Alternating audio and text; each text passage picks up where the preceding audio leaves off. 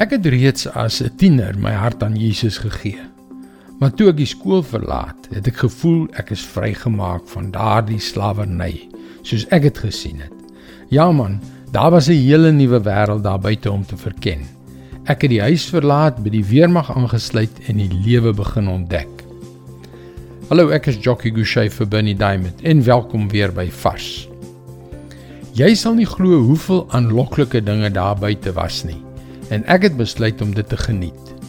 God, ag nou ja, diep binne het ek geweet die dinge wat ek doen en hoe ek leef, behaag hom glad nie. Ten spyte daarvan het ek op my eie weg gedwaal.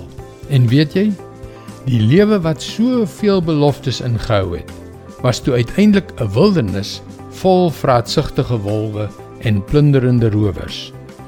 Dit is wat met 'n mens gebeur. Daarom het Jesus in Johannes 10 vers 11 tot 15 gesê: Ek is die goeie herder. Die goeie herder lê sy lewe af vir die skape. 'n Huurling is geen herder nie en dit is nie sy eie skape nie. As hy 'n wolf sien kom, los hy die skape en hardloop weg. En die wolf vang die skape en jaag die trop uitmekaar. Hy is 'n huurling en bekommer hom nie oor die skape nie. Ek is die goeie herder. Ek ken my skape en my skape ken my. Net soos die Vader my ken en ek die Vader ken. En ek lê my lewe af vir die skape. Daar is baie valse herders daar buite. Maar Jesus was die ware herder. Hy het boodskappe gebring wat soveel trefkrag gehad het. Maar hy het dinge nie net by praat gelos nie.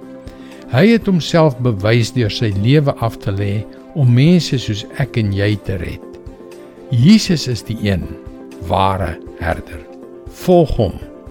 Dit is God se woord vars vir jou vandag.